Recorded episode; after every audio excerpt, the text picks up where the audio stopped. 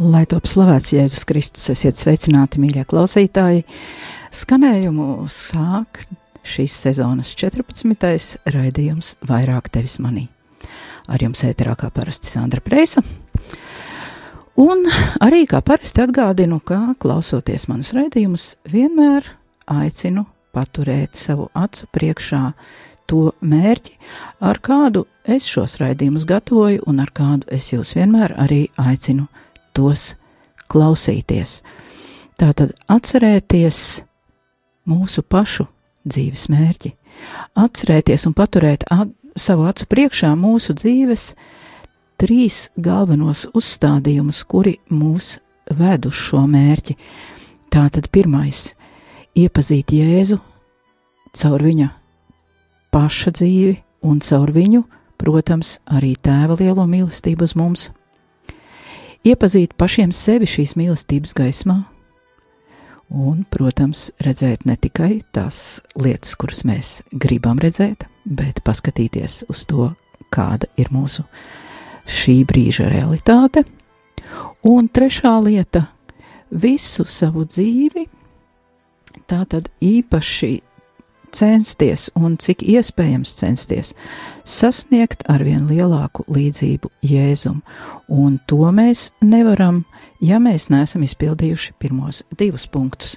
Tas nozīmē iepazīt Jēzu un iepazīt sevi, jo kā gan mēs varam kļūt līdzīgi Jēzum, ja mēs nepazīstam pašu Jēzu, ja mēs par viņu neko nezinām, uh, vai arī esam bijuši tādi pavirši viņu iepazīstot. Un tāpat mēs nevaram nekādā veidā saprast, cik tālu tad mēs esam tikuši šajā līdzībā Jēzum, ja mēs neprotam ieskatīties sevi un sevi iepazīt. Tātad tikai visas šīs trīs lietas kopā var mūs aizvest pie mūsu dzīves mērķa svētuma un pilnīgas vienotības ar Dievu.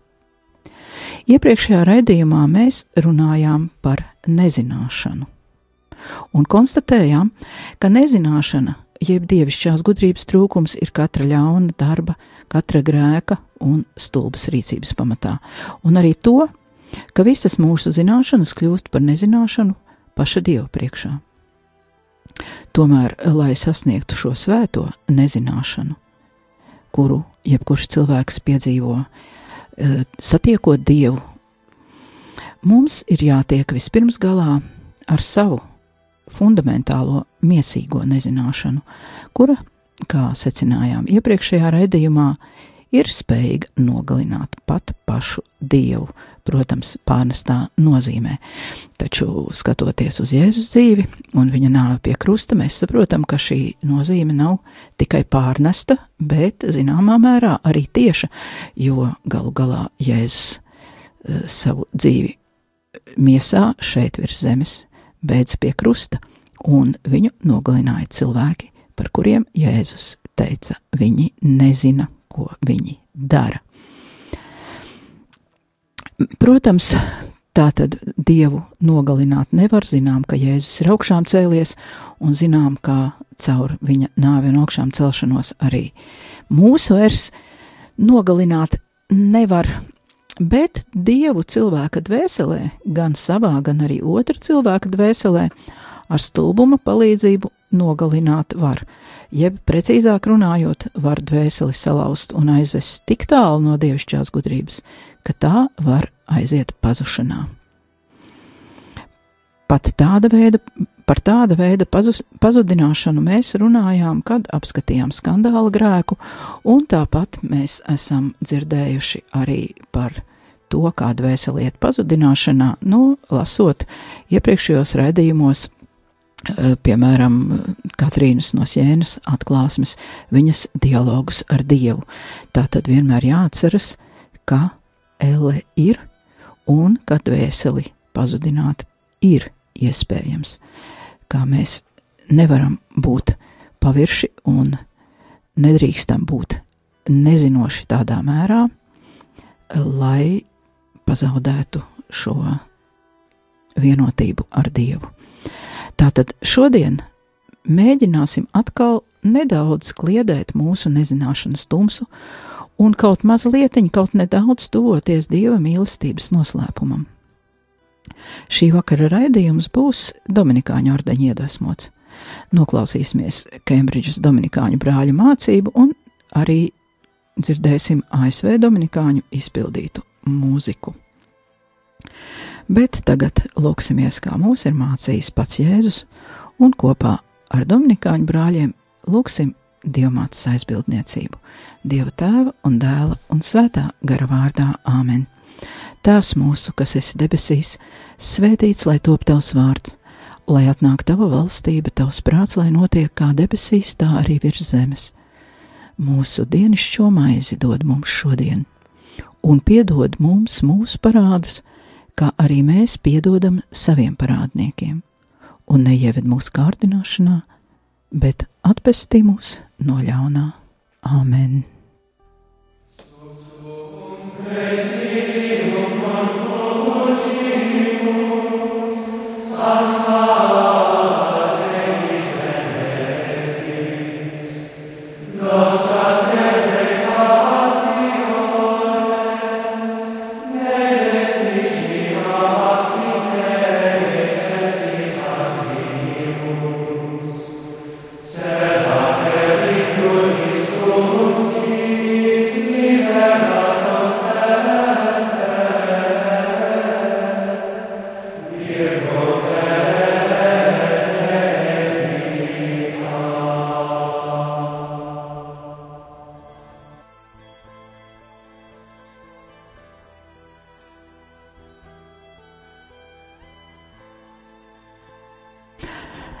Skan raidījums vairāk tevis manī, studijā es Sandra Prēsa, un tagad ķersimies pie mūsu šī vakara uzdevuma, ķersimies pie darba, lai izpildītu raidījuma sākumā izvirsīto mērķi.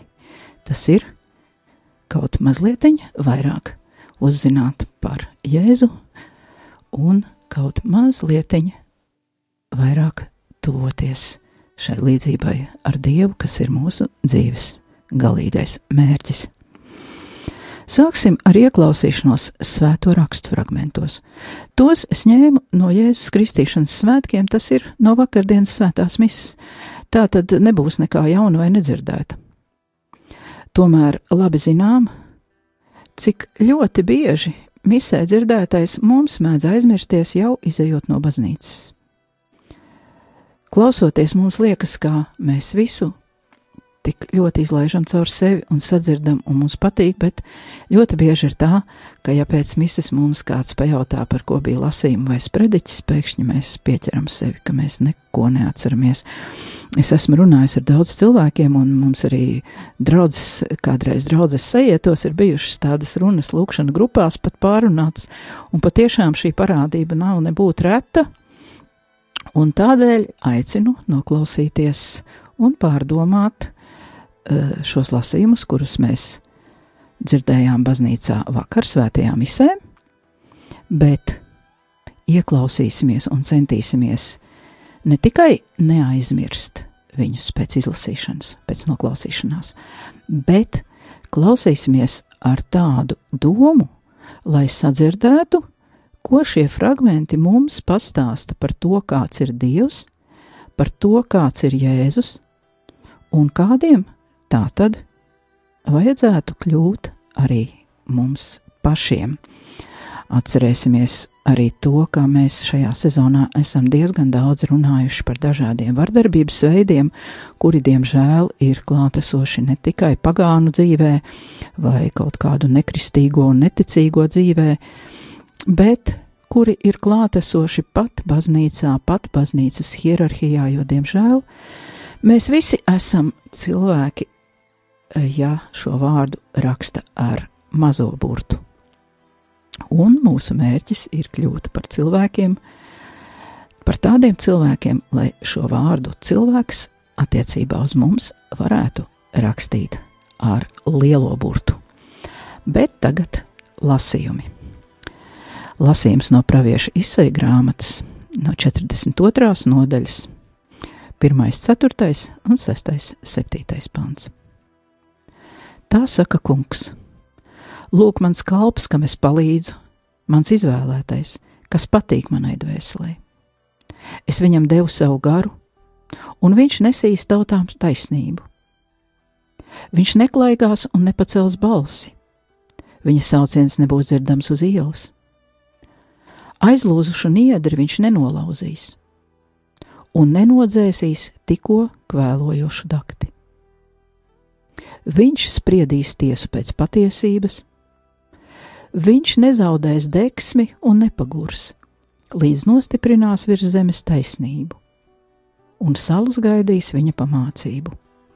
Es, kungs, tevi aicināju taisnībā, ņēmu tevi pie rokas un tevi audzināju, un liku tevi ļaudīm par derību un tautām par gaismu, lai tu atvērtu aklajiem acis un no nebrīvas izvestu gūstekņus, un no cietuma tos, kas sēž tumsā.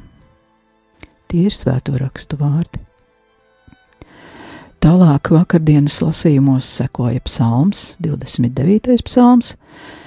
To mēs visu šovakar nelasīsim, taču pievērsīsim uzmanību vispirms refrēnam. Kungs svētīs savu tautu.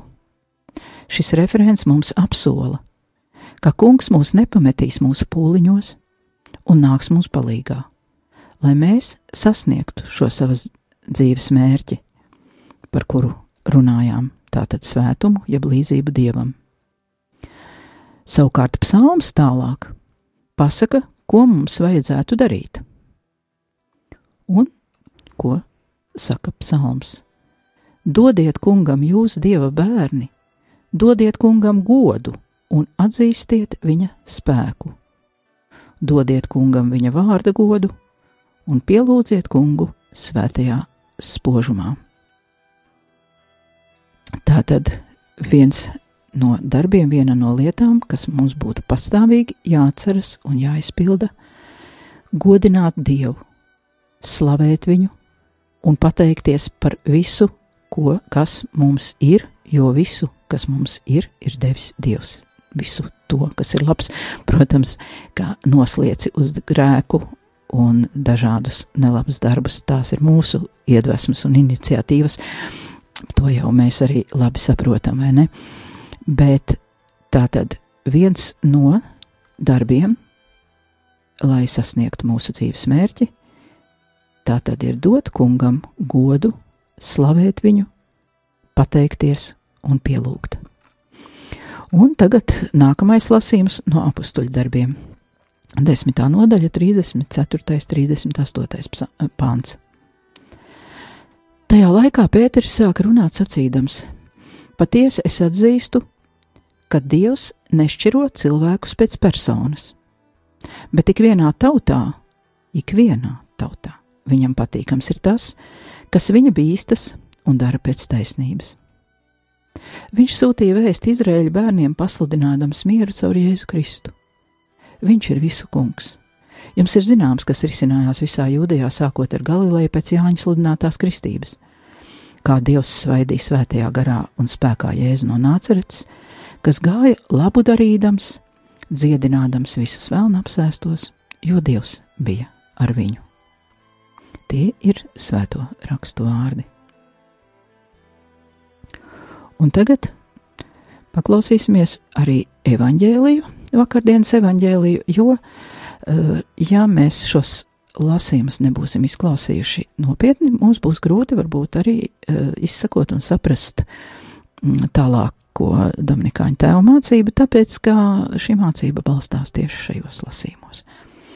Tātad lasījums no Jēzus Kristus evaņģēlija, ko uzrakstīs svētais Lūkas, 3. nodaļa 15, 16 un 21, 22.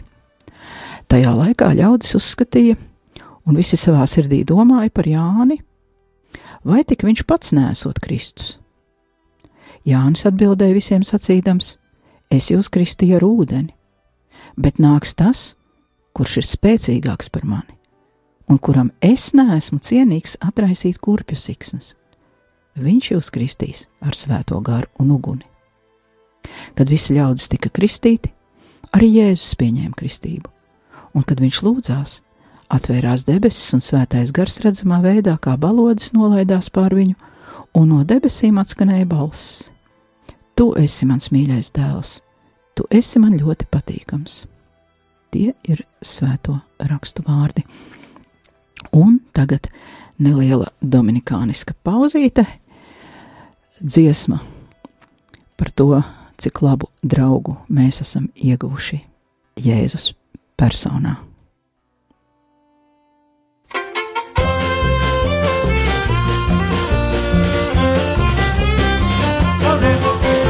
What a friend we have in Jesus, all our sins and griefs to bear. What a privilege to carry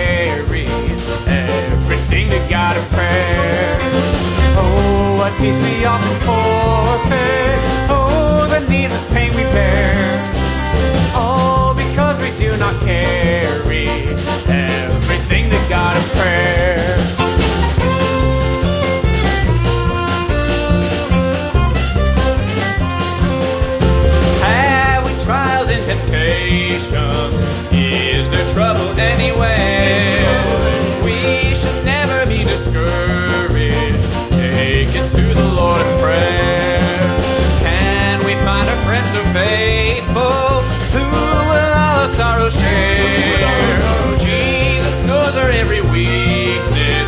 Take it to the Lord in prayer.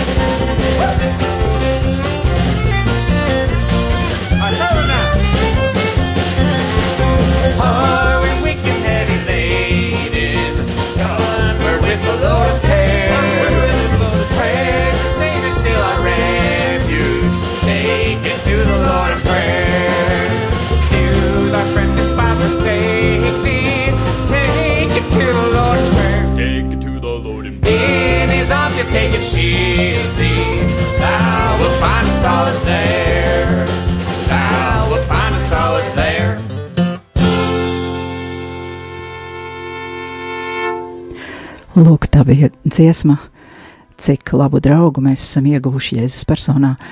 Un to izpildīja Dominikāņu brāļi, amerikāņi. Tie paši, kuri redzējuma sākumā dziedāja Gregoriansko dziedājumu tavā patvērumā. Un šīs grupas sastāvā ir teoloģijas studenti, priesteri Dominikāņi un banjo spēlē teoloģijas doktors, profesors no Romas Angēlikuma Universitātes, arī Dominikāņu tēvs. Tātad šis dominikāniskais prieks, lai mums pielīp un lai tas mums palīdz iet šo nevisai vieglo jēzum sekošanas ceļu. Bet tagad uh, klausīsimies sprediķu, kuru es pārtulkoju no angļu valodas, kuru vakar uh, Kembridžā uh, runāja Dominikāņu brālis Ēdens Nikols, kurš dzīvo Svētā Erceņģeļa Miķeļa konventā Kembridžā. Viņš ir pro-life kustības rakstu autors un arī teologs. Un šajā sprediķī brālis Ēdens iepazīstina mūs ar to, kā baznīcas tēvi skaidro kunga kristības paradoksu, kurš tāpat kā kunga krusts atklāja mums dieva mīlestību uz cilvēci. Šis sprediķis saucas Pāršķelt tumsu. Agrīnajiem kristiešiem doma, ka viņu kungs ir ticis kristīts, bija satraucoša, neērta un pat skandaloza. Vai tiešām nevainīgajam jēram, viscaur svētajam jēzum patiešām bija nepieciešams rituālais šķīstīšanās akts? Vai tādā veidā viņš netieši būtu atzinis, ka arī viņš ir daļa no netīrās vainas un grēka pilnās cilvēces? Tas runā par pirmo kristiešu godīgumu, ka viņi necentās slēpt šo viņiem nesaprotamo jēzus dzīves epizodi, bet saglabāja to iekļautu evaņģēlija tradīcijām. Bet drīz vien, kad šis notikums tika izpētīts plašākā baznīcas ticības kontekstā, attiecībā uz Jēzus personu, kristieši atklāja Jēzus kristīšanas slavas pilno paradoksu. Tas ir brīdis, kad tas, kurš ir bez grēka, liek sevi šķīstīt grēciniekam. Viņi apbrīnoja un godināja šo notikumu, jo redzēja, šajā Jēzus dzīves epizodē atklājamies Dieva mīlošā maiguma pilno nokāpšanu pie cilvēkiem. Viņa pielīdzināšanos šīs pasaules līmenim.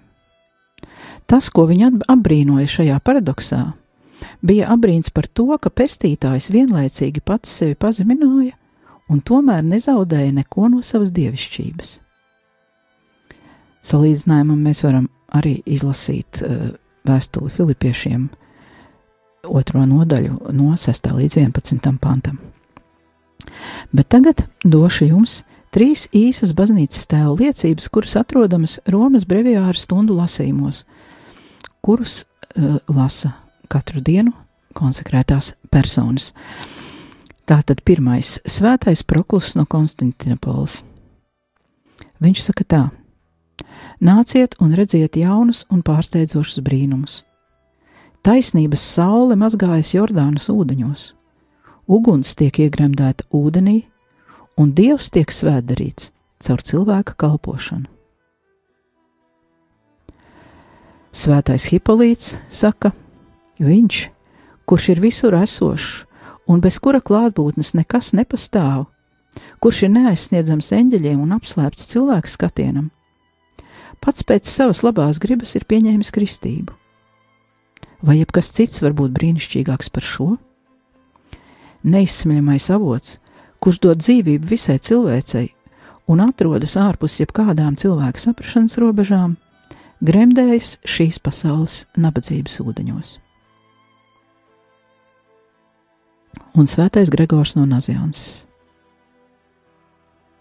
Tev būtu jākristī mani, saka lampa saulē, saka saucēja balss vārdam, saka draugs līgavainim.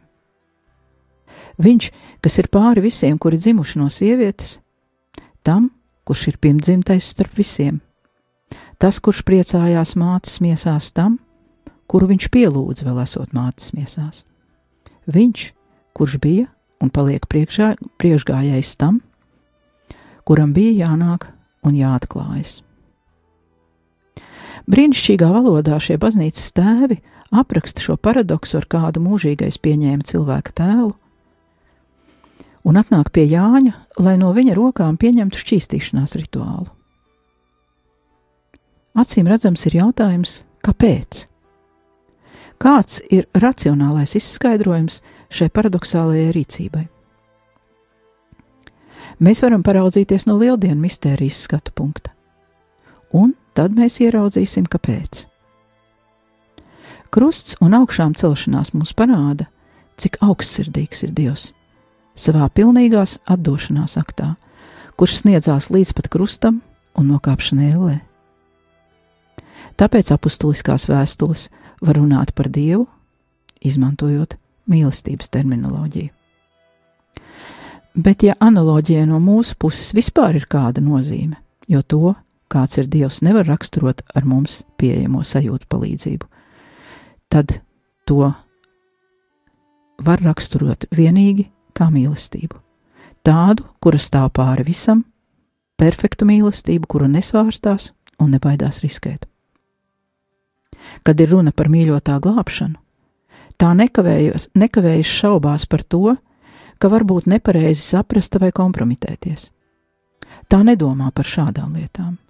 Tā padara sevi neaizsargātu, un, ja ir nepieciešams, ļauj sevi ievainot. Šajā kristībā pestītājs izvēlas būt ar mums visā, ko piedzīvojam mēs, izvēlas solidaritāti ar mums grēciniekiem, ar tādiem, kādi mēs esam. To darot, viņš pakļauj sevi ļaunām mēlēm un ļauj uz sevi rādīt ar pirkstu. Lūkojoties no šāda skatu punkta, saprotam,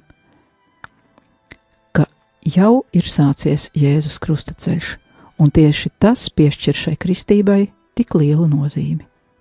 Tik lielu, ka tā kļūst par baznīcas svētkiem. To mums stāsta arī Bizantijas ikonas. Tajās Kristus tiek iegremdēts Jordānas ūdeņos līdzīgi kā Kalvārijā. Viņš tiek iegremdēts nāves ūdeņu hausā. Ikonās attēlotais ūdens ir ļaunuma tumsas pilns, taču zelts, kas apņem Jēzus figūru, pārcēt šo ūdeni kā zobens.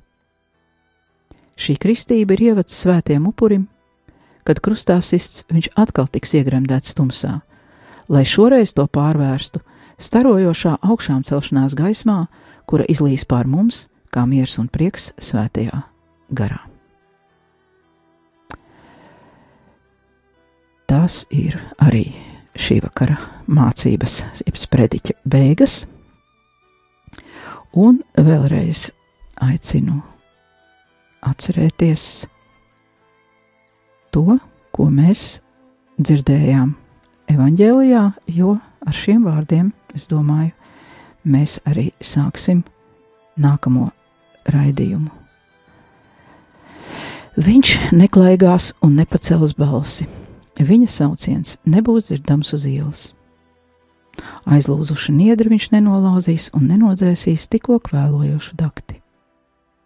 Viņš spriedīs tiesu pēc patiesības, viņš nezaudēs deksmi un nepagurs, līdz nostiprinās virs zemes taisnību. Dievs nešķiro cilvēkus pēc personas, bet tik vienā tautā viņam patīkams tas, kas viņa bīstas un dara pēc taisnības. Un evanģēlijs saka, Jēzus staigāja labu darīdams un dziedinādams visus vēlna apsēstos, jo Dievs bija ar viņu.